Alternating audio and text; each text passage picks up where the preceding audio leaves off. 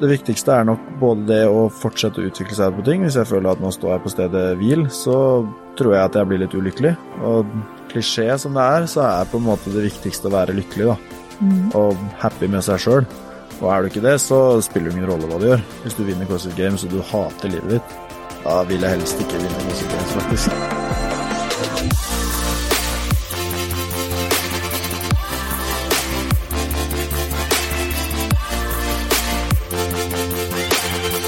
Jeg er så heldig å ha med meg tight.no på laget, som gir meg muligheten til å faktisk kunne lage denne podkasten, og det er jeg så utrolig glad for.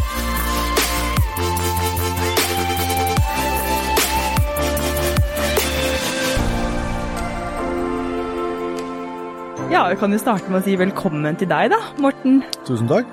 Morten Rask Arnesen. Bruker vi Rask og Arnesen, eller Arnesen? Vi bruker Rask og Arnesen. Vi gjør det? Mm. Yes. Eh, og det er jo så hyggelig å ha med deg i studio. Altså, du er jo kanskje en av de mest fargerike eh, personene jeg vet om. Og ikke bare når det gjelder valg av eh, shortser i, når du trener. Sokker. Ja, Og generelt plagg, da, eller treningsklær. Men du er Altså, jeg vil jo si at det også beskriver personligheten din. ja, det kan være riktig, det.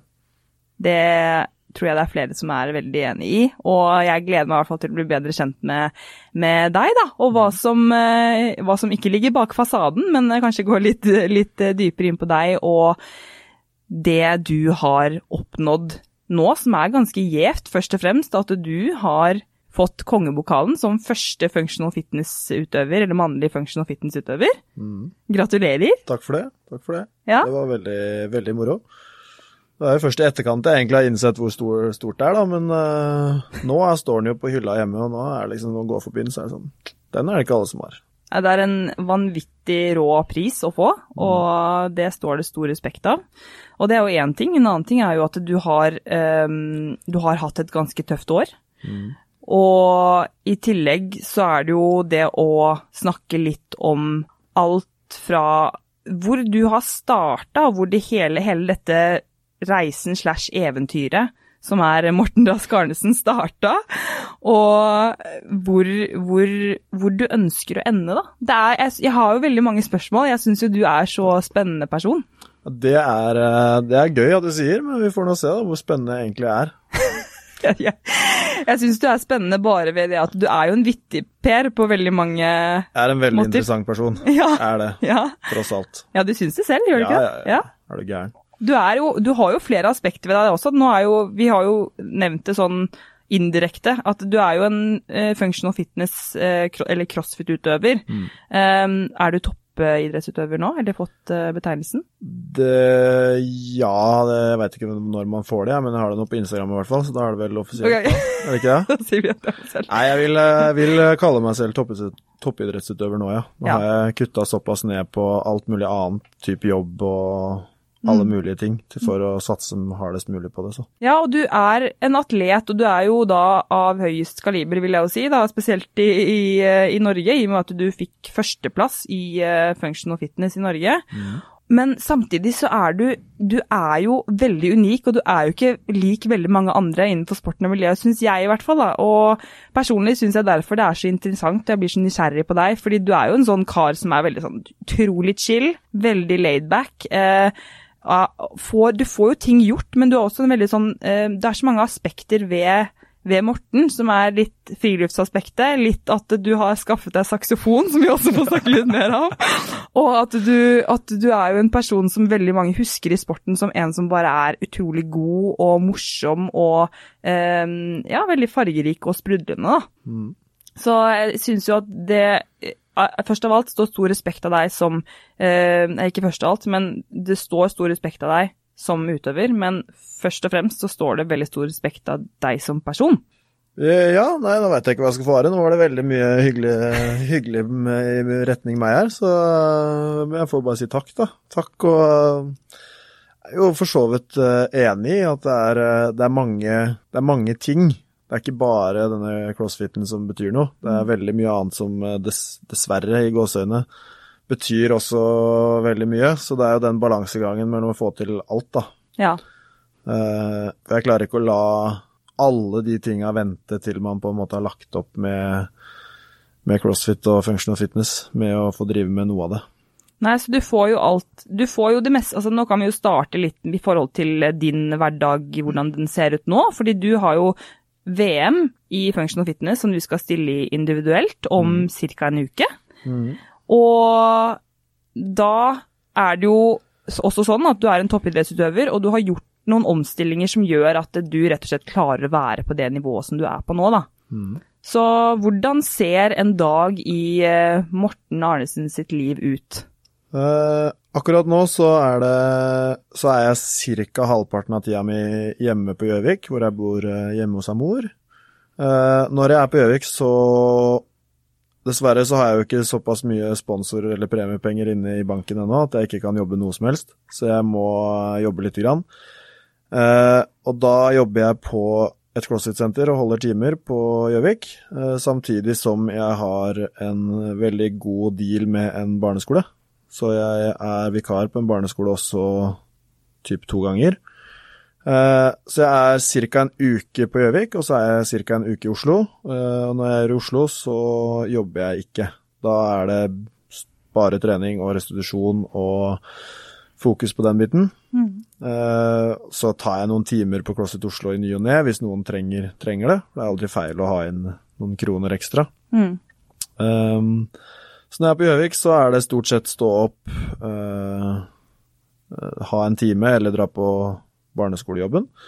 Og så er det å trene rett etterpå, og så er det holde noen timer igjen, og så er det trene helt på kvelden. Og så er det hjemme og sove, legge seg. Eh, når jeg er i Oslo, så er det stort sett stå opp tidlig, dra på trening, eh, og så henger jeg som regel bare der til økt nummer to. Og så henger jeg litt der kanskje ja, en time til etter det. Drar, sitter i badstua, dusjer, gjør alle de tinga, før man kjører hjem, og så henger jeg jo egentlig bare i den leiligheten resten av dagen, egentlig. Ja. Eh, litt online coaching, litt sånn ja, forskjellige ting man surrer rundt med. Og så er det å legge seg ja, prøver å legge meg sånn ti-tida. Ti-halv elleve ish. Mm. Hashtag athlete life. Hashtag athlete life. Ja. Blitt utrolig mye flinkere. Det er utrolig åssen det Åssen eh, søvnrutiner eh, endrer seg når du har tilgang på TV og sofa, og ja. ikke har det. ja. eh, nå bor jeg jo i Holmenkollen i en kjellerleilighet sammen med Lena Richter. Mm.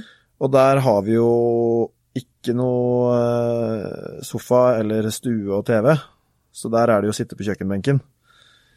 Og selv så glamorøst det høres ut, så er det faktisk ikke verdens mest komfortable stilling å sitte på sånne høye stoler på kjøkkenbenken og sitte og se på Friends på PC-en, selv om uh, Friends er livet. Så, ja, så, da er det utrolig hvor, hvor, mye tidligere man faktisk kan legge seg, enn hvis man sitter i en nydelig sofa og har en 65-tommer flatskjerm foran seg og kan se på serier eller TV hele kvelden, liksom. Da blir det fort litt seinere. Så sant. Så på mange måter så er det jo en, en eh, ja, en gode kanskje for deg da, å komme til, til, til Oslo på den måten òg? Eh, ja, så i utgangspunktet så, så syns jeg at jeg har bedre rutiner, og alt blir på en måte litt bedre når man er i Oslo. Jeg har ikke det store behovet om å drive og se nye serier, og jeg prøver egentlig å holde meg unna nye serier. Jeg ser egentlig bare det samme opp igjen opp igjen. Mm. Fire-fem forskjellige som jeg bare går på rundgang. Eh, for ellers så blir man jo så opphengt i det, og så går det så mye tid på å se på serier. Mens ser du på Friends for ellevte gang, så kan du faktisk skru av når som helst, og så kan du egentlig sitere resten av episoden. Så da kan du sitte, på, sitte i bilen og se ferdig episoden i huet ditt. Ja, det uh, ikke, at jeg, ikke, ikke, at jeg, gjør det, altså. Nei. Sånn i utgangspunktet. Uh, men når jeg er på Gjøvik, så blir det plutselig Ting tar litt mer tid, da. Mm. Sånne ting. Spesielt det å se på TV. Altså, når du har tilgang på TV, så brukes den jo. Mm. Uh, og selv om man ikke prøver å se så mye på det, så, så går tida, altså. Så blir det liksom litt seinere i seng, og så litt Sitter man kanskje 10 minutter, kvarter, 20 minutter ekstra etter frokost og ser på TV før man drar på trening, og så tar ting mye ekstra tid, da. Ja, det er litt, sånn, litt sånne tids, altså tidstyver, nesten, mm. de, disse tingene. Så det kan være greit å luke ut noen av de tingene iblant. Ja, og det er ikke Nei, jeg sitter såpass langt inne at ting skal være på stell, da. Ting skal være så opp, bli optimalisert så mye som mulig, og da er jo søvn kanskje nummer én. Ja. Og så er jeg litt sånn der, jeg skal ikke drive og kaste bort tid. Så det å se på TV, altså, det er jo en del av å restituere, eksempel. Sitte i sofaen og slappe av, det er jo faktisk en del av det. Mm. Men uh, det skal jo ikke gå utover uh, jobb, trening, uh, alle mulige ting. Nei. Men eh, hvordan har livet forandret seg sånn som du har kunnet, uh, kunnet gjøre det nå, da, så har du jo kunnet gjøre det på denne måten fordi at du ønsker å være en toppidrettsutøver og leve på den måten. Men hvordan har, det, hvordan har det utviklet seg i forhold til uh, hvordan det startet? For hvor lenge har du vært i sporten nå? Jeg begynte vel i 2016. Og du er, Sånn, eller jeg begynte å konkurrere i 2016, Ja. er vel uh, riktig. ok, og du er eh, 26 år? Nå er jeg 25. 25. 25. Mm. Så Ja. jeg begynte vel når jeg var da 20, da. Mm. Men det begynte vel egentlig med at uh, Simen Aaslund var uh, Han ble fysisk trener når jeg spilte håndball. Uh, så når jeg var 16, så ble han fysisk trener på håndballaget mitt. Og da trente vi på et Ja, det var jo egentlig et, et treningsrom i en bedrift. Så det var jo egentlig ikke et, et treningsstudio engang. Det var bare en bedrift som hadde et eget treningsrom. Eh, så vi hadde noen fysiske økter og sånne ting. Og så dreiv han I det så dreiv han og åpna sitt eget senter. Eh, Men det var mye tull med tillatelser på lokale osv. osv. Så, videre. så vi var en liten gjeng med utvalgte eh, som fikk lov til å trene der før han åpna det. Eh, og da ble vi ganske godt kjent, og da var det to strongman-typer, og så var det én fyr som drev og drev med crossfit, da. Så syns jeg det crossfit-greiene så liksom Det så jo litt sånn hardcore ut, og han er jo Altså, hvis du ser han, så alt, alt han gjør, ser ganske hardcore ut, da. Ja. Som han har skjønt i etterkant at det kanskje ikke er så hardcore som han så ut. Um, Han drev med mer hardcore ting, eller hva? nei, det var, bare, det var bare det at du hadde aldri sett noe sånt før, da. Nei. Uh, Fran, Doblunders, det var jo før Doblunders-vairet. Mm. Det var jo en ståltråd. Mm. Uh, så det første møtet mitt med CrossFit var jo egentlig at han kjørte double så jeg fikk en liten whip på ryggen Ja. uh, med den ståltråden. Det var ikke Det var liksom mitt første møte med CrossFit, Ja, egentlig. ok. Uh, og så flytta jeg til New Zealand, og da sendte jeg melding til Simen kanskje tre uker seinere. Spurte du sånn CrossFit, det hadde vært kult å prøve, har du lyst til å lage et program til meg? Og da fikk jeg jo bare tilbake sånn eh, Du kunne ikke kommet for en måned siden og spurt, mens du liksom var i Norge. Eh, så sendte han meg et program, og så drev jeg liksom og surra litt med det på egen hånd da jeg bodde i New Zealand. Og så kom jeg hjem, begynte umiddelbart på treningssenteret hans, selvfølgelig. Eh, og så var det Av og til så var jeg med på litt timer, men jeg drev mye med strongman sammen med de to gutta som var der før jeg dro. Eh, og så var det en del styrkeløftere der, og så skulle jeg pumpe og bli svær, selvfølgelig. Ja. Jeg var jo en liten gutt veldig lenge, men jeg skulle bli huge. Mission accomplished. Mission accomplished. Det hjalp- liksom å få noen centimeter på høyden nå, bare for å se litt Ja, for da, hvor høy er du? 1,92 eller noe sånt? Jeg er 91. 91? Ok. Okay. Og det var jeg ikke på den tida. Nei. Når Simen møtte meg, så tror jeg jeg var 1,50 kanskje, eller i hvert fall et kjempeliten gutt. Mm. Eh, Men så var det vel i 2016 så meldte Simen seg på, sammen med da hans eh, samboer nå, Marian, og en, en til som trente crossfit på Elite-gym på Gjøvik. Eh, De meldte seg på Nordic Beach Brawl i Kristiansand. Mm. Uh, og jeg er jo et konkurransemenneske, har lyst til å konkurrere, og så var det sånn, det der skal jeg også være med på. Så da samla jeg to, da fikk jeg med to stykker, da, og så kvalla vi. Og så var det første konkurransen. Uh, og så var det jo Norway Complete seinere den høsten. Det ble jo da første individuelle konkurranse. Mm. Og etter det så var det bare CrossFit. Ja. Etter den første konkurransen aleine, så var det bare CrossFit som gjaldt. Så etter det så har du drevet på med crossfit og trent mer eller mindre det hver eneste dag? Ja. Og jobbet ved siden av? Ja. Ja. Hvordan jobb har du hatt da? Har du, siden du sa at du hadde trappet ned, har du jobbet da med det samme? Er det annet du har jobbet med? Eh, Jeg har gjort litt forskjellig. Jeg har jo ikke noe utdannelse, så jeg har jo ikke jobba eh, sånn, da. Men eh, jeg jobba litt i en butikk, og så syntes jeg det var litt dritt, og så drev jeg litt med sånn dørsalg, og så eh, endte jeg vel egentlig opp kanskje med å jobbe som coach hos Simen, og så jobba jeg litt på den barneskolen, da. Det var jo min eks-svigermor som er husinspektør på den skolen, så det var ganske greit å komme seg inn der og få jobbe der. Og så var det, gikk det såpass bra at jeg fikk liksom jobbe der nesten hver dag, da. Så det ble en tilsvarende nesten 100 %-stilling med å jobbe Ja. der.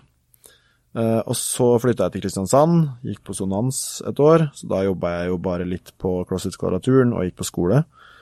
Og så jobba jeg på XXL, og nå jobber jeg på uh, litt på barneskolen, litt på CrossFiten, og så ikke så mye mer. Nei, så det virker som at eh, fokuset ditt på en måte helt siden du startet med crossfit og skulle gå inn for crossfit, så har det vært i førersetet i forhold til det at eh, den jobben du tar har bare vært for å få ting til å gå rundt, rett og slett? Ja. Jeg har bodd mye hjemme, så jeg har jo ikke hatt så mye utgifter på leilighet og bo og sånne ting. Eh, og så har det Første pri har jo vært at den jobben skal kunne kombineres med å trene to ganger om dagen. Eh, så når jeg jobba i Kristiansand, så sa jeg at jeg kunne jobbe kveld, for jeg ville helst trene på morgenen. Og det var lettest å få til å jobbe når jeg trener to ganger på morgenen. Eh, og så var det jo nå denne barneskolejobben. Da er det jo Altså, det er gull verdt. Det er jo en vikarstilling som du har verken, du jobber verken før eller etter. Så jobber jeg fem timer på morgenen, så jeg er ferdig før, før ett, før to. Ja. Eh, og da har jeg jo hele kvelden til å trene. Det er jo gull. Ja, du er flink. Jeg har fått noen eh, snapper fra deg veldig sent på kvelden ja, at du trener. Noen Så du- ganger så må man jo bare Få det til å skje. Ja, noen ganger sitter det litt langt inne, så blir liksom Og så er det den TV-en, da, vet du. Plutselig så blir man veldig komfortabel foran den, og da skjer akkurat det som vi snakka om i stad. Ja. At da At det går utover andre ting. At da blir treninga plutselig klokka åtte istedenfor halv åtte eller klokka sju. Og så får du ikke lagt deg klokka ti, du må legge deg klokka elleve fordi at du skal hjem, dusje, spise.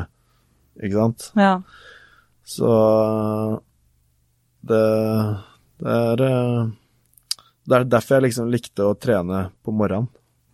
For da er det gjort. Og så alt det andre For du er jo ferdig på jobb klokka ni uansett. Mm. Da er det hjem, spise, sove. Så er det good. Ja, for det er jo tydelig at du har gjort noen ting riktig, i hvert fall, da, i og med at du, du er på toppen i Norge nå i Function of Fitness, og eh, du har jo vært med, du har jo vunnet VM på lag to ganger, har du ikke det? Jo. Ja, så hva, hva tror du da, hvorfor tror du at du har blitt så god som du er i dag? Eh, Det er jo fordi at det har vært prioritet, da. Jeg har virkelig prioritert det her foran ekstremt mye annet. Eh, Og så har jeg alltid hatt en sånn litt indre ønske om å bli best i noe. Eh, Og når man fant ut at dette kanskje var noe som det var mulig, mulig å få til, da, mm. så var det jo bare å gå all in. Og så er litt sånn at jeg vil gjøre det best mulig på så mange arenaer som mulig òg, da. Eh, Så det å optimalisere ting, det syns jeg er veldig både spennende og gøy, og det gjør det jo litt lettere. Eh, Og så, så fort det begynte å gå veldig mye bedre, da, man begynte å hevde seg, så er det jo sånn Ok, nå kan jeg ikke la noen ta meg igjen. Jeg kan jo ikke slakke ned nå. Eh, Så det er nok det at man prioriterer det foran noen andre ting, ja. og gjør mye av de riktige valgene, da. Sånn i forhold til å legge seg tidlig, droppe en fest, eh, ikke ha så mye sånn FOMO, som jeg kaller det. Eller, det er ikke bare jeg som kaller det, alle kaller det det. Alle kaller Det er jeg som har funnet opp det uttrykket. Det ja, fear of missing out, jeg tror, Yes. ja, ja, ja. ja. Eh, hvis du har det, så tror jeg du sliter litt mer med, med å ta de valgene om å droppe sånn og sånn og sånn og sånn. Eh, jeg har aldri hatt den i den forstand at den festen må jeg være med på, jeg må være med på hyttetur, jeg må gjøre ditt, jeg må gjøre dødt. Eh, det har heller vært litt surt å på en måte droppe å dra på hyttetur, droppe å dra på topptur, fjelltur, telttur, alle de tinga en helg, fordi at det er sånn ok, Morten, du må faktisk være hjemme og trene. Ja. Jeg skulle til å spørre om det, for du nevnte jo prioriteringer. At det, det er jo fordi du har prioritert crossfit, og det er jeg jo 100% sikker på at det er grunnen til at du blir god i noe. Eh, Det er jo at du, du trenger å prioritere, og du trenger å ofre en del. Vi kaller det ofre, det blir jo det. Det er, det er jo det det er. Ja, eh, men likevel så føler jeg jo at du, du prøver jo å få gjort prioritere disse andre tingene eller aspektene av livet ditt også, eh, som er viktig for deg. fordi det er jo viktig det også for å bli god, da. For å få liksom de tingene som du vet fyller opp eh, din kopp, holdt jeg på å si. Det er et greit uttrykk, det. Ja. uh, ja, nei, jeg var uh, veldig dårlig på det veldig lenge, og faktisk unner meg å gå på tur, unner meg å ta en helg og gjøre noe annet enn å trene. Eh, fordi at selv om jeg, jeg coacher én person nå, og den personen er jo litt sånn at hvis det står noe på programmet, så har man veldig lyst til å gjøre det. Og så får man dårlig samvittighet overfor at jeg har gjort en jobb og lagt til program og sånn. Og jeg har litt samme følelsen. Hvis det står på programmet, så får jeg dårlig samvittighet ikke bare, altså, ikke bare overfor min coach, men også i forhold til meg sjøl, at det der burde jeg gjøre. Mm. Hvis jeg dropper det der, så har jeg droppa det. Da har jeg ikke muligheten til å gjøre det igjen. Nei. Ehm, så alle de tinga har jeg på en måte Da har jeg litt droppa å dra på tur, da. Og ofre en hel helg. Men så er jeg jo ikke så god på å ta hviledager heller alltid. Så de siste kanskje året nå, så har jeg blitt mye flinkere til å liksom senke skuldra. Uh, hvis jeg skal på topptur, hvis to kompiser spør meg om jeg skal på topptur, så er det veldig sjelden jeg sier nei. For for det første så bruker man jo kroppen. Altså du går jo ni timer på tur med ski, da. Ja. Så det er jo Utvilsomt. ja, Ja. så det er jo Hvis man har prøvd å gå på topptur, så er det ikke, det er ikke hvile. Nei. Så du får jo faktisk bevega deg. Det er jo forskjell på det og å dra på en uh, Fyllatur. Ja, Mm. ikke sant. Hvis du drar på Så jeg er jo litt sånn der hvis man skal på fjelltur, eller på et hyttetur, da, så er det jo veldig typisk at da skal liksom fylle av Mm. alt det der. Men jeg er jo mer sånn ok, skal vi gå en jævlig lang fjelltur, da? Ja. Jeg syns jo det er mye gøyere. Mm. Eh, Så nå unner jeg meg selv litt flere av de tinga, Mm. og så står jeg liksom på mitt, da. At, jeg drikker alkoholfritt hvis de andre skal ta seg en snurr. ja. Så er det mer sånn nei, men jeg vil legge meg da og da, og så vil jeg opp tidlig, da. Eller Mm. jeg vil opp og, og gjøre noe. Ikke ligge fyllesyk ut hele dagen, på en måte. For Ja. da kaster du jo bort helga. Mens hvis du drar på topptur, så har du ikke kasta bort helga. Så det er jo det å faktisk klare å få meg sjøl til å tenke at eh, sånne ting er bare sunt for meg. Både for huet og kroppen, egentlig. Så er det helt fint å gjøre andre ting enn å bare gå inn på det treningssenteret og trene. For at til tider så er det hardt, altså. Drive og, og bare gjøre det. Det er ikke så variert. Og, altså CrossFit Oslo ser ut som det samme hver dag, det. Samme gjør CrossFit Mjøsa. Ser liksom likt ut hver eneste dag. ja. Mens drar du på fem forskjellige topper eller fem forskjellige turer i løpet av året, så er det noe helt nytt og spennende. Mm.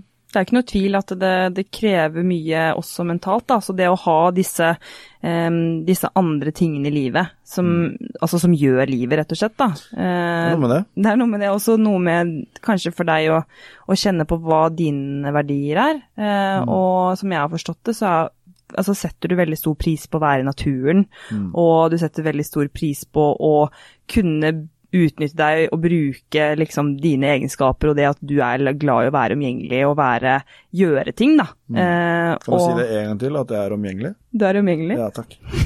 Hvem, er, hvem er det? Nei, det er blitt en greie på, på landslaget Functional Fitness om hvem som er liksom mest med, medgjørlig, er det vel egentlig okay. vi har sagt, da. Ok, du er veldig medgjørlig. Ja, takk. Kanskje ikke var omgjengelig. Og der er liksom litt sånn jeg og Simen som kniver om hvem som er mest Ok. Okay. Så jeg vil gjerne bare ha det på, på tape. Ok, da var det sagt. Og, og jeg tenker jo, jeg tenker jo veldig, veldig det at det er det som gjør deg til deg, men det like så Altså det er ikke så lett alltid å finne den balansen, da, eh, for å være atlet og fortsatt kunne spe på med de tingene. Men, men når du sto der da, oppå pallen og mottok kongepokalen i år, eh, hvor mye betyr det for deg? Altså tenker du over, tenkte du over det da du sto der, hvor- hva det betyr for deg sånn generelt? Eh, ja, 100 eh, Du ser det litt på den videoen nå. Det ser Når jeg ser på det i etterkant, så ser det nesten ut som jeg faker det litt. eh, hvor glad jeg blir når jeg faktisk finner ut at jeg vant. Men det er, det er faktisk helt Det er ganske ekte. eh, fordi at det er jo noe du har dedikert livet ditt til så og så lenge. Eh, og i hvert fall når du da har sagt nei til så mange andre ting.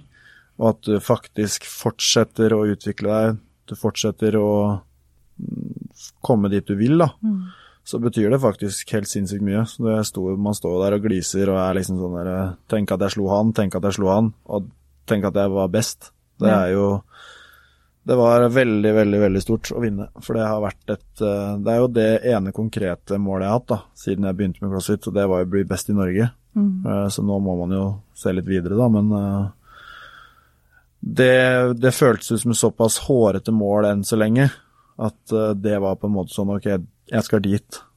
Det er første mål, og det er et veldig stort mål. Så det å få til det såpass fort, det betydde helt sinnssykt mye. Men hvorfor betyr det noe fordi at du da kan kategorisere det, eller du kan si kalle deg selv best, eller er det noe mer som ligger bak det? Uh, nei, det er nok egentlig bare at man, man får igjen for alt man har lagt inn, da. Eh, for sånn som det er med CrossFit, så er jeg litt mer sånn Ja, jeg vant, jeg vant den konkurransen, på en måte. Ja. Uh, hadde konkurransen sett helt annerledes ut, så er det ikke sikkert man hadde vunnet. Mm. så den første smaker ekstra godt, men jeg tenker at hvis man hypotetisk sett vinner neste år òg, da, da kan man på en måte endelig si at ok, nå er jeg best. For akkurat nå føler jeg litt sånn Jeg var best den helga. Ja. Eh, men det er ikke nødvendigvis sånn at jeg er best uavhengig av hva slags øvelser som kommer, da. Eh, Så det betyr ekstra, ekstremt mye fordi at man har putta så mye inn i det, ofra så mye, og at det faktisk har gitt de resultatene at, at du har nådd det målet ditt, da. Mm. Men har det betydd ekstra mye også i og med at dette her Du vant jo ganske kort tid etter at faren din gikk bort. Eh, nei Det betyr jo mye, selvfølgelig. Det betydde nok da mer at, at jeg vant, eh, og at både broren min, tanta mi og mamma var og så på. Ja. Eh, men Nei, jeg kan ikke egentlig si at det betydde ekstra mye pga. det, men det var jo en liten sånn ting man hadde i bakhodet. For man hadde jo konkurrert et par uker før, i Asker. Mm. Og da satt det nok litt mer i meg, for da var det på en måte bare en uke etter at det skjedde. Um, så da var det nok litt sånn underbevisst Eller det satt et eller annet i meg som jeg ikke visste at satt der, da. Så ting gikk jo ræva, og ble jo mentalt Fikk jo en mental knekk. Eh, mens nå gikk ting veldig bra, og det var liksom Gikk ikke rundt og tenkte på at nå er jeg trist, på en måte. Um, så nei, det betydde Det betydde mye, men ikke forsovet på grunn av det, nei. Nei, jeg tenker jo ikke For så vidt så tenker ikke jeg heller på grunn av det. Jeg tenker mer at eh, em, det er jo noe som, som er en ganske stor påkjenning for de fleste hvis noen har mistet en, eh, en far eller foreldre, da. Eh, og det å stå i det, og for deg å stå Altså, jeg begynte jo å gråte da jeg satt i den kommentatorboksen, jeg begynner nesten å gråte nå. Jeg syns jo, jo det å se deg prestere på den måten som du gjør, jeg vet jo hvor mye uh, arbeid du legger ned, men jeg hadde liksom ikke helt skjønt hvordan tilstanden til um, faren din hadde vært, da. Uh, nei, det var jo ikke noe sjokk at den gikk bort, så det hjelper jo ganske mye. Hadde det vært på en måte en sånn boom, helt ut av det blå, der var du borte, da hadde jeg nok kjent ekstremt mye mer på det. Og hvis han også hadde vært enda mer inkludert i idretten, eh, men det har jo ikke vært hans Mamma har vært den som på en måte har vært eh, den største fanen, på en måte. Han har jo elska at jeg driver med det, men eh, han har jo hatt så mye andre ting. Og så har han jo vært sjuk veldig lenge, så det var jo mye hardere å få vite at han hadde kreft, enn eh, nå. For han fikk jo kreft, og så var det et år med operasjoner og drit og styr og hoi. Og så var det tre år hvor det gikk veldig bra.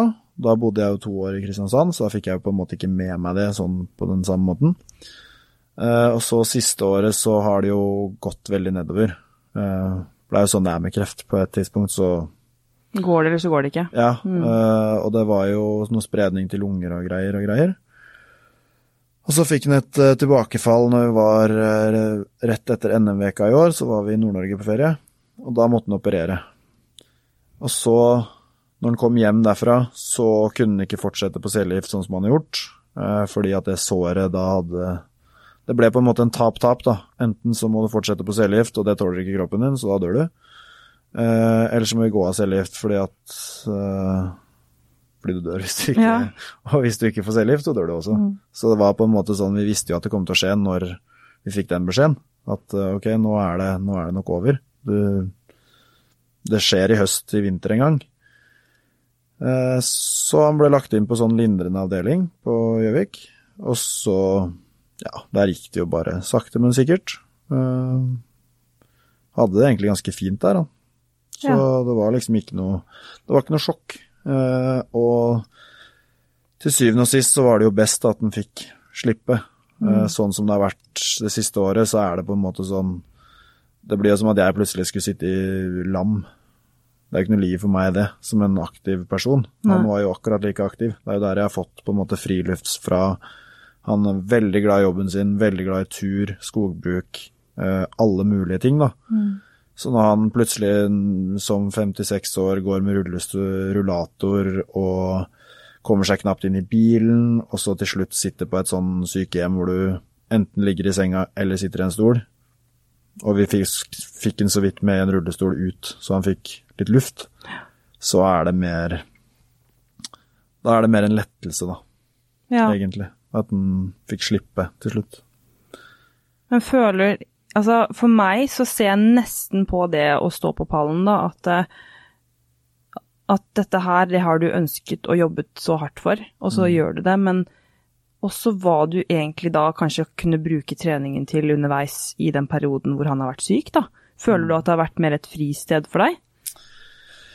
Um, på en måte, men på en annen side så var det jo Det var mer det når han bodde hjemme, men de siste tre ukene så var han jo ikke hjemme eh, i huset. Ehm, for hadde det skjedd hjemme i huset, så hadde det vært en, en helt annen sak, for da er det jo dit du kommer, der er han, der er uh, sykdom og elendighet, hvis man kan si det sånn, da, uten at det er noe Nei. mot han, da. Nei, nei, nei. men altså, da du kom på, på trening da, så var det på en måte å komme seg ut fra det, på en Ja, måte? for jeg kjente veldig på det når jeg flytta hjem fra Kristiansand, at Mm. det var en helt annen følelse at du alltid kom hjem, du så alltid hvor mye dårligere han hadde blitt, da.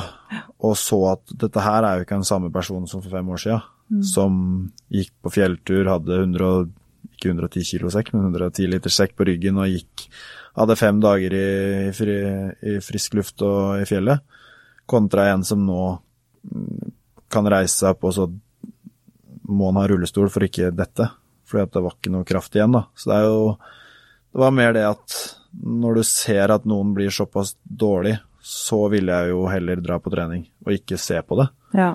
Eh, Så i og med at han ikke bodde hjemme siste delen av livet, så så var det ikke nødvendigvis det at det var et fristed, men det var mer sånn han ville ikke at jeg skulle sitte hjemme og deppe. Han ville jo heller at jeg skal Altså, NM er om en måned, han ville jo mye heller det. Eh, For jeg skulle jo egentlig til, til Bodø og studere et år. Ja. Frilufts, eh, friluftsliv. Mhm. Eh, og det Han var så engasjert i det. Han syntes jo det var dødsbra. Så han eh, Jeg skulle jo egentlig flytte dit helga før han døde. Eh, så jeg og mamma bestemte oss bare for at vi skulle ljuge til ham og si at eh, ja, jeg skal dit, men jeg hadde jo sagt fra meg plassen for lenge siden. Ja. For det var jo sånn, jeg drakk, jeg drakk ikke dit nå. Ehm, men han var jo fast bestemt på at du skal ikke bli her, du skal dra dit. Så jeg føler det ble litt det samme med trening, da. At eh, han ville nok ikke at jeg skulle droppe å dra på trening, eller droppe dit og være trist på trening, la ting gå utover det. Fordi at han veit at det betyr såpass mye for meg, da. Han hørtes ut som en ganske bra pappa. Veldig. Ja. Verdens beste pappa. Ja. Å, men altså det er, en, det er jo en sterk historie, og du forteller så fint om det også, og hvordan, hvordan ditt syn på det er, i forhold til hvordan det skjedde og hvordan han gikk bort. Så det, det syns jeg er veldig, veldig fint å høre på. Og så eh, tror jeg også at han, han ser på, så på deg og er ganske så stolt over den personen du har blitt. Ja da, man eh, eh, Nå har vi endelig fått opp på en måte gravstein og grav og sånn, da. Uh, og da går man jo dit og så på en måte prater litt. Ja. Uh, og da blir det litt sånn Ja, åssen, åssen syns du jeg gjorde det i NM, på en måte? Høres jo halvkleint ut, men nå er nok ikke den eneste som gjør det, på en måte. Nei. Eh, og da kan man jo late som at her sitter du. Her sitter du, her tar vi en kaffe, så prater vi litt om sånne ting, da. ja. Tar du med deg kaffe? Vet du er glad i kaffe? Ja. Ja. jeg tar meg kaffe. Nei, men det å, høre, det å høre det perspektivet, det tror jeg er, det er utrolig inspirerende også. Uh, og jeg syns jo det er veldig mye dybde i deg. altså Det er jo det med at du, du mangler ikke substans på noen som helst måte. Eh, og det er jo det som, som jeg var inne på innledningsvis også, at det er det som gjør deg så, så unik, da. Men tror du ikke Tror du det er Hva er det mentalt som gjør at du har blitt så god som du har blitt? Er det noe du føler at det gjør deg sterk mentalt? Eller som, for crossfit er jo en veldig tøff sport, og jeg vil jo si at veldig mye ligger i hvor mye du tåler oppi hodet. Ja. Uh, jeg syns det er litt vanskelig å sette fingeren på sjøl hva som på en måte Hva som er her oppe, da. Ja. Men uh, nei, på, det, det, er veldig stor forskjell på, på trening, eh, medgang, motgang, utafor trening, medgang, motgang alle de tinga. Mm. På trening så, så, er jeg i den heldige situasjonen at det er, ikke, det er, ikke, alltid det er så mye motgang som på en måte treffer meg veldig og sier at ok, nå, nå er du så elendig. Nå må du skjerpe trynet ditt. Mm. Nei, som sagt, jeg syns det er litt vanskelig å sette fingeren på, men det er jo uh, Det er én ting jeg faktisk har tatt med meg fra Matt Frazier, og det er jo Han sitter, og så Det er en dokumentar, og der sier han jo at enten så kan du gjøre den økta her eh, så hardt du bare kan, og så er det helt jævlig. Om ti minutter så er du oppe og går, alt er fint. Mm. Du kan være veldig fornøyd med deg sjøl. Eller så kan du gjøre litt saktere, eh, du slipper å ha hold, du slipper å ha det vondt så lenge. Om ti minutter da, så er det også helt fin. Så det er på en måte Du veit jo det. Ja. Altså, du veit jo veldig godt at om ti minutter, kvarter, så er du good uansett hvor, mm. hvor kjipt det var. Mm. Altså, det kan hende du har litt syre i låra, altså alle de tinga, men det, du er jo så innmari vant til det. Ja. Så det er jo ikke noe Det er ikke noe poeng i å holde igjen på de og de tinga. Uh, og så er det det å vite når du skal pushe, ikke pushe, mm. selvfølgelig. Og faktisk være såpass rutinert og uh, erfaren, da. For erfaring har såpass mye å si. Altså, det er mange som kan komme inn og gjøre det veldig bra, mm. men du kommer veldig langt med erfaring òg. Mm. Og så er det syns jeg det med, det med, det mentale har så mye med hva du velger å gjøre. Sånn som å legge deg klokka ti uh, istedenfor å bare game i to timer til. Og så er det sånn ja, men jeg får åtte timer uansett, mm. fordi jeg står opp klokka åtte. Uh, kontra å faktisk legge seg klokka ti, og så er det sånn ok, men nå kan jeg stå opp klokka sju, og da er det ni timer. Ja. Um, så rett og slett handler det om å ta valg, da, altså ta ansvaret for sitt eget liv og seg selv og hva du ønsker å oppnå. Der sa du det bra. Ja. Ja. Ta litt ansvar for For det er jo bare du, det er du som bestemmer. Mm. Altså, du bestemmer om du blir god eller dårlig. Ja. Hvis du har veldig lyst til å bli god Altså, jeg tror ikke alle er ment for å vinne CrossFit Games. Det, da, da ljuger du til deg sjøl. Hvis du mm. tror at alle er Hvis det er mulig for alle å vinne CrossFit Games, da ljuger du. Ja. um, men det er ingen som sier at du ikke kan komme dit. Det er ingen som sier at du ikke kan gjøre absolutt alt du kan for å faktisk nå de måla. Hvis Nei. du virkelig vil det, så tror jeg det er mulig for alle. Ja. Og ditt mål, da? jeg vil jo også komme til CrossFit Games, da. Ja. Jeg vil jo det. Ja. Um, komme dit, eller vinne det? Nei, nå sa jeg nettopp at jeg tror ikke alle er ment for å vinne CrossFit Games. Jeg tror dessverre ikke jeg er det. Uh, men jeg har absolutt Hvorfor det? Hvorfor det? Uh, det er dumt å skylde på, men jeg tror ikke jeg har Jeg tror jeg er for stor, rett og slett. Ja, det finnes jo uh, ideelle høyder innenfor. Det er noe jeg ikke liker å si så høyt offentlig for alle, men jeg tror at er du er du en viss størrelse, i hvilken som ende av skalaen, da, er du for lav og for liten, så løfter du for lite. Er du for stor og for tung, så er du for stor og for tung, da. Ja.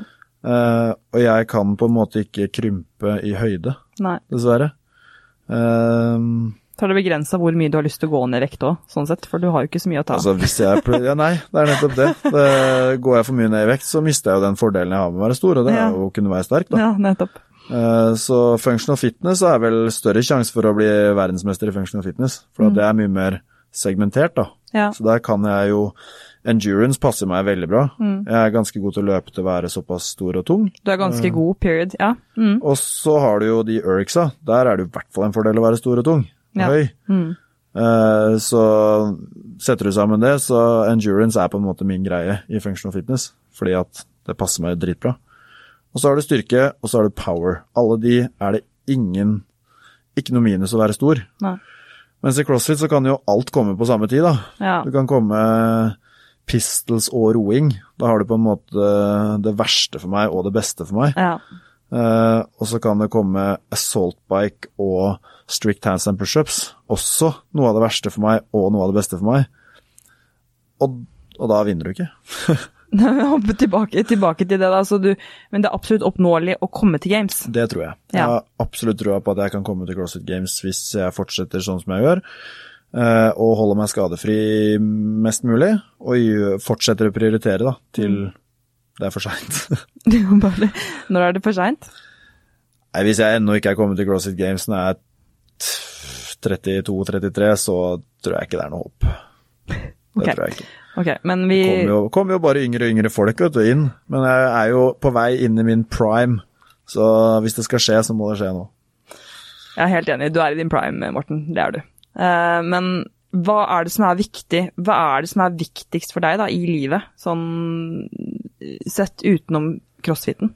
Hva er det som er viktigst for deg? For hvis det høyeste, hvis du når det høyeste da, for deg som da er å komme til CrossFit Games, hva er det som er, hva føler du liksom er det viktigste ellers i livet ditt?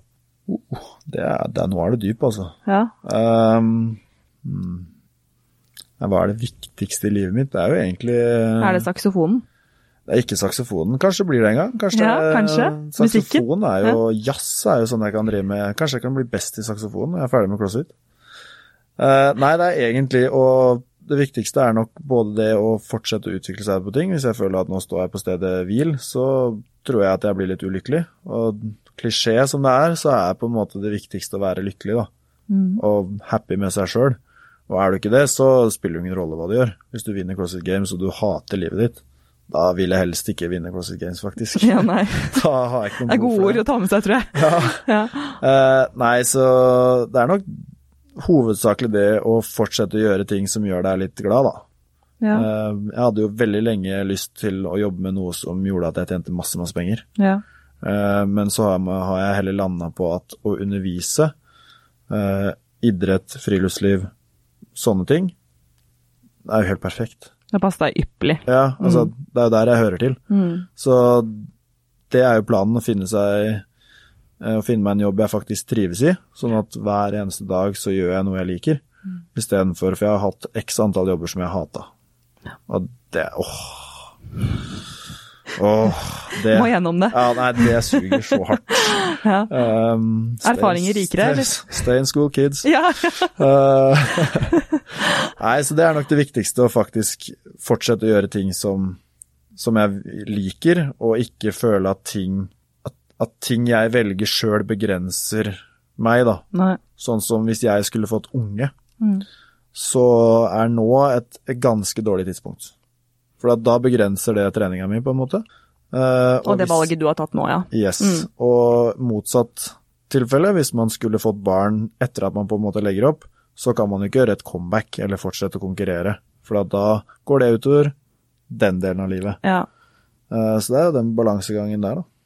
Prøve å ta de valga som gjør at du faktisk er happy med deg sjøl, og kan være glad for alle de valga du tar. Ja, det, dette her er sånne visdomsord jeg føler at eh, veldig mange skal ta, ta med seg videre. Ja, nå er jeg god, altså. Ja, Hæ? altså å bli lærer, det tror jeg også at det hadde passet deg kjempebra. Og så er du også Du snakker jo som at liksom, dette her er et valg du gjør nå, og så har vi jo snakket mye om hva du har ofret og sånn, men igjen, da, så tror jeg at eh, vi kan jo også avslutningsvis se, si det vi var inne på i starten, at du eh, Du hyller jo livet generelt. Altså, du er jo en person som er en sånn Du er jo en sånn solstråle uansett om det er en grå dag, eh, og du har eh, det virker i hvert fall sånn. At du er en sånn person, sånn som jeg kjenner deg. da. At det er jo kanskje noe du også, også setter veldig høyt, tror jeg. Sånn generelt. Det er jo livsglede, da. Ja, altså jeg er jo litt sånn Du velger å være mugg òg. Ja. på en måte. Hvis du, eh, hvis du er sur, så er det fordi at du velger å være sur. ja. Altså, du kan være sur og ikke vise det så godt. Så jeg er litt sånn Prøv å være positiv så mye som mulig, og ikke, ikke dra alle andre ned fordi at du har en dårlig dag, da. Nei. Så jeg prøver jo veldig ofte det å bare Altså, jeg kan være sarkastisk og være ikke en jævel, men uh, kødde mye, da. Uh, både på bekostning av andre og meg sjøl, selv, selvfølgelig. Men uh, jeg tenker jo det er jo Jeg prøver minst mulig å være slem Ja. og skape dårlig stemning. Ja, du, altså du, du, men du, verds, du verdsetter jo veldig mye, eh, veldig mye forskjellig, og så verdsetter du alt, virker det som, for meg, at du verdsetter mennesker, og så verdsetter du det du holder på med, og det er jo veldig eh, Jeg syns det er veldig, veldig stor ære i det, da. Å, å opptre sånn som du gjør, og være sånn som du er. Eh, og Blant annet liksom sånne småting som gjør deg veldig unik og som gjør deg veldig nyansert, som å skaffe seg en saksofon. Så jeg vil jo bare at du, du må jo bare fortelle greia, for det her er jo nevnt, og da må du nesten få fortelle, fortelle det også. At du er jo, ja, du, er, du holder på med crossfit og functional fitness, har lyst til å bli lærer, og så har du en saksofon. Og så har jeg kjøpt meg en liten saksofon. Uh, nei, det begynte vel egentlig med at eh, jeg eh, fant Jeg vet ikke åssen dette begynte engang, men eh, mange mange år siden, det var da jeg gikk på videregående ennå, Ja. så fant jeg et eller annet saksofon En eller annen sånn coverliste på, på Spotify, masse saksofon, da. Så var det et par låter der som var dritkule, og jeg var bare sånn wow, saksofon, det er jo dritfett. Så hele siden da så har det vært sånn her, ok, dette her er noe jeg kunne Kanskje jeg skal lære meg det her? Men så har jeg jo bare tenkt at saksofon det er jo sikkert svindyrt, og så må du bruke jævlig mye tid for å bli god, og, og et instrument hvor noen spiller som er dårlig, det er ikke kult. Altså, det er jo ikke kult å høre på. Eh, så har det gått mange, mange, mange, mange år, og så flytta jeg hjem fra Kristiansand, og da var det en kompis av meg, som, eller en jeg ble kjent med, som trente på crossfiten, som eh, spilte trekkspill. Og han hadde jo da alltid med seg dette trekkspillet på sånne sosiale sammenkomster. Så det var i hvert fall blant annet én gang som, vi, som jeg spurte om noen skulle være med og sove i telt på en utsiktsplass på Lillehammer. eh, Og grille bål og bare hygge oss, liksom. Og da ble vi en god gjeng, og så ordna vi oss dyr og hadde noe pils og sånn, og så dro han fram trekkspillet, da. Og jeg satt der bare og digga det. Altså, det er det Jeg er ikke noe trekkspillfan, men det var bare så fett at noen kunne bare dra fram det og være så god på noe. Ja, det syns jeg er ganske sweet, altså, når du, når du drar fram den. Hæ? Det er jo tidenes partytriks. Du bare kunne- 'jeg vil være så populær', tenkte du da? Det er helt riktig. Det var akkurat sånn. Jeg vil være høydepunktet på neste fest. Altså om Det blir om ti år, da. Men eh, det er sånn Jeg vil kunne dra fram det der i settinger hvor det er kult. Og det er jo kult i så mange settinger. Eh, og så Og så er det bare du som kunne gjort det, tror jeg. Sånn jeg, av de jeg kjenner. Av de jeg kjenner også, er det ikke så veldig mange som spontankjøper saksofon, er ikke det. Eh, så jeg gikk på Finn, da. Det var rett etter selvfølgelig man hadde fått feriepenger og skattepenger og sånn, for da satt man jo plutselig med, med litt mer enn man vanligvis hadde. Og da var det sånn, nå, hvis, det er et, hvis jeg skal gjøre det, så må jeg gjøre det nå. Nå må jeg bare hoppe i det. Så da gikk jeg på Finn, og så fant jeg en saksofon, og så hørte jeg litt med en kompis som skulle oppover fra Kristiansand til Sarpsborg på NM-veka. Du, gidder du også bare kjøre innom den adressen her og hente en saksofon for meg? Jeg har betalt, alt er i orden, jeg må bare hente den. Ja ja, sure, gjør det.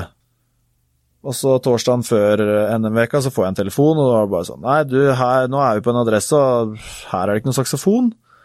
Så de hadde sittet der i halvtime, 40 minutter og prøvd å lette fram til denne saksofonen. da. De hadde jo fått det til til slutt, finne riktig adresse, og det ble litt styr. Uh, og da satt jeg plutselig med en saksofon, da. Uh, og nå, nå øver jeg litt i Prøver å øve litt hver dag. Så du, du kan jo se på det som en investering, da, at nå har du flere kort å spille på. Hvis ikke crossfiten går bra. Altså, det er jo Hva er det man blir rik på i verden, da? Det er vel musikk og, og data. Ja. Så man blir jo ikke rik av function og fitness. Velger har en av to, da velger du saksofon. Hvis jeg har en sideinntekt med litt saksofon og litt eh, eh, konserter, så oh, nei, nei, men det, er det nydelig. ja, altså, jeg syns jo saksofon, det må jeg bare si at det er et helt rått instrument, og det er jo det er vanskelig. Det er vanskelig, så jeg har jo innsett det at eh, For jeg har jo begynt å spille litt Jeg har lært meg liksom Ble dritfornøyd, da, for nå, åh, nå har du lært deg grep og sånn, Morten. Nå, nå begynner du å få det til. Nå klarer du å spille sånn og sånn og sånn og sånn, og det er mange sanger du kan. Så prøver du å filme det én gang, og så er det sånn Å, is Ja, det, det var surt, ja. Så, så jeg må nok eh, finne meg en, eh, en saksofonlærer, tror jeg, som kan uh, Alt i sin tid. kickstarte litt. Ja. Men, uh, men litt sånn uh, sakte, men sikkert jobbe seg oppover på egen hånd. Jeg ville jo egentlig at dette skulle være en sånn Du skal være selvlært. Ja. Jeg sa jo egentlig det til meg sjøl ganske lenge. Dette her er bare Du kan bruke mange, mange år på å bli god på det her, men så har du lyst til å bli god ganske fort. ja. For du har jo ikke lyst til å sitte, stå nede i kjellerstua hos mamma og drive og spille saksofon og surt i fem år. Det er ingen som vil det. Nei, nå er vi inne på disse valgene dine igjen. Hvis du har valgt å skulle bli god på noe, eller du har jo valgt det livet, så, så, skal du, så legger du på en måte din, din tid og krefter i det. Ja, det var faktisk eh, første måneden etter NM-veka så spilte jeg én til to timer hver dag på den saksofonen. Det, det er gått litt ned. Og spesielt siden eh, når jeg er i Oslo, så får jeg jo ikke tid til å spille. Eller jeg kan, kan ikke spille, fordi at eh, det bare lar seg ikke gjøre med, med bo og sånne ting. Eh, mens hjemme på Gjøvik så kan jeg jo spille masse. Så jeg spiller litt når jeg er der, men det har gått litt ned. Men jeg var rimelig dedikert en periode der, ja. Nå vet vi hvilke mentale verktøy, så hvis du har noen tips og råd her, så er liksom det Kjøp saksofon. én til to timer med spilling Yes. hver dag, bare Hver for å, da, for å da blir du god i det du vil bli Ja, god i, tenker litt, det tenker jeg òg, Ja. faktisk. Så hva kan vi forvente da av uh, Morten Rask Arnesen i uh, fremtiden? Uh, nei, det blir jo en Jeg tenker at hvis du Hvis du fortsatt følger med litt på CrossFit og sånn, så er det jo CrossFit Games om eh, par år. Mhm. Så er det jo bare å følge med der. Eh, og så blir det meg en å se på afterparty på Kvadraturen Showdown hvert år, tenker jeg. På scenen med saksofon. Eh, og jeg gleder meg! Ellers så er kjører jeg sikkert noen gigs og litt sånn bryllup og sånn da, med saksofon ellers. Og så, som vi nevnte i stad, så plutselig så går du en tur eh, i fjellet, og så hører du en liten, liten melodi der langt i det fjerne, og da, da skal du ikke se bort fra at det er jeg som sitter der, vet du. Og Og det er fremtidens Morten. det er fremtiden min. Ja. Det, og, og nå som jeg har sagt den høyt, altså det høres, høres ikke det bra ut da? Jo, jeg syns faktisk det. Og så tror jeg kan, kanskje hvis du, kan, hvis du kan kombinere dette her med, med ta med liksom lærer og ta med kids ut i skog Ok, det hørtes ikke riktig ut, men, eh, lærer men å ta med kids ut i skogen, ja. Ja, den, den er sterk. Oi, oi, oi, nå tror jeg det begynner, begynner å bli litt sent på ettermiddagen her. Uh, men uh, jeg mener i hvert fall at uh, jeg tror vi, vi kan, som du sier, vi kan jo forvente ganske store ting av deg, rett og slett fordi at du er, du er såpass, såpass rå som du er. Ja, det setter jeg pris på. Jeg gleder meg til å høre litt saksofon. Ja, det, det er bare å stay tuned. Eh, det, det blir nok en, en liten stund til man går helt offentlig med alle sine egne låter. Men eh, en gang så skal det spilles, spesielt på Nå har jeg blitt lova at jeg skal få spille i to forskjellige bryllup. Okay. Eh, heldigvis er begge de to ikke nært forestående. Okay. Og så har jeg jo sagt at Eller Zodiac, som er da en rapper som bor i Kristiansand, han har også sagt at vi skal lage en låt sammen. Ok, dette her må vi, når, når det skjer, når den tid skjer, det, da, da, Da, da tenker jeg at da tar vi opp tråden, da. da tenker jeg at vi tar opp tråden, og så skal vi oppdatere oss på livet til, til Morten. Ja, det tenker jeg. Da, da er det jo popstjerne. da tror jeg faktisk at du, ja, Da har jeg sikkert fått meg et artistnavn og sånn, vil jeg tro. det er jo der pengene er, for det er jo det, det vi verdsetter. Sant? Hvis, det er bare å kontakte noen, eh, noen store DJ-er som trenger en liten sånn som driver med noe Tropical House eller noe. Det er der, altså, Alle spiller jo saksofon i Tropical House sant. nå. Så hvem vet? Plutselig så er det Kygo feat Morten, da. Det er sant. Eller Morten feat Kygo. Ja. Spiller du kortene dine riktig nå? Du hadde jo fått deg dette her som er en sånn fin sånn backup egentlig for, eh, for crossfiten, men i all uh, seriøsitet og alvorlighet så må jeg få, få ønske deg lykke til da, til um, VM i Functional Fitness. Tusen takk. Først, altså det er jo det førstkommende. Det er førstkommende. Og så følge med veien videre tror jeg, synes jeg også er spennende, fordi at eh, deg som atlet og som den eh, fargerike personen som, som burde bli vist mer, eh, og flere burde kjenne til, tenker jeg at vi skal se ut for i, i fremtiden, altså. Ja, Mm. jeg er enig. Ja, du er enig, jeg vet er det. Ja. Så hyggelig å ha deg på besøk, Morten. Tusen hjertelig takk for at jeg fikk komme. Det var kjempehyggelig å sitte her med deg. Fantastisk. Og jeg bare må si til alle der hjemme at uh, som Morten er, at du må huske å være snill med deg selv. Takk for nå. Ha det.